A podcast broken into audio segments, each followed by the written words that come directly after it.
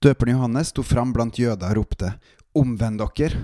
Så også i dag blant kristne, for de fleste av oss elsker verden mer enn Gud. Gud i sentrum, han har gitt deg livet, så omvend deg til han, og du skal leve, leve evig. Velkommen, Håkon Winnem heter jeg, og dette er podkasten Gud i sentrum, fordi han er det. I Jakob 4,5 står det, eller mener dere at det er tomme ord når Skrifta sier, men nidkjærhet trakter han etter den ånd han lot bo i oss? Ved trua har Gud tatt bolig i oss, han lever i oss.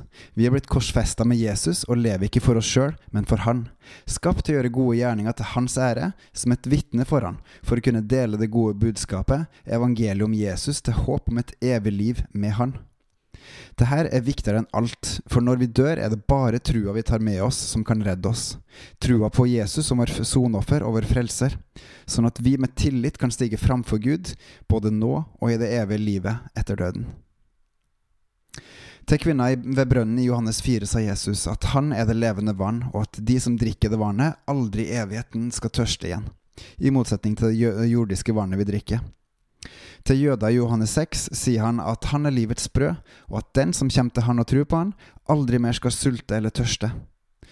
Når spiste og drakk du sist?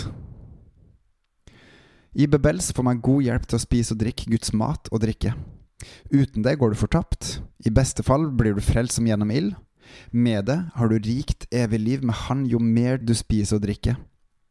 Jeg har nå aktivt drukket i snart 16 år, før det så bare smakte jeg innimellom. Og i 15 15,5 år har jeg hatt en veldig virksom hånd i meg.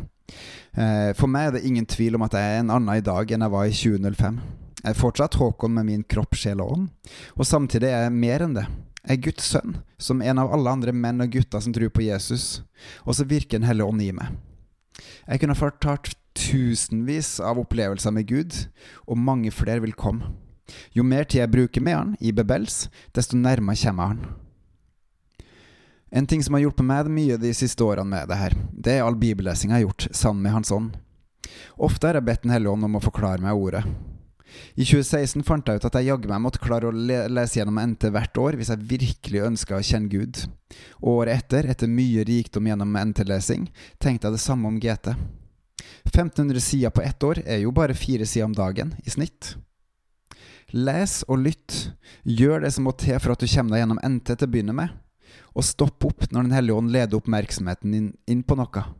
Noter det ned, tygg på det, og gå så videre med Den hellige ånd. Bebel sier be, elsk, les, lytt og sammenvoks. Skal man sammenvokse, må man gjøre alt det her, fordi Gud har elska oss så høyt at han ga oss det mest dyrebare han hadde, sin egen sønn. Og deretter, deretter sin ånd til å bo i oss, være i oss, virke i oss, lære oss opp, til å helliggjøre oss. Gjør ikke Guds ånd sorg? Men vandre i ånden, lev i ånden, vær til Hans behag og gjør de gode gjerningene som Gud har skapt oss til. Ikke for oss sjøl, men for alle mennesker, og mest våre egne brødre. Fordi det her er å elske Herren vår Gud, Han som fortjener all vår ære, taktsigelse og nærhet. For Han er vår Far. Bebels og på gjenhør.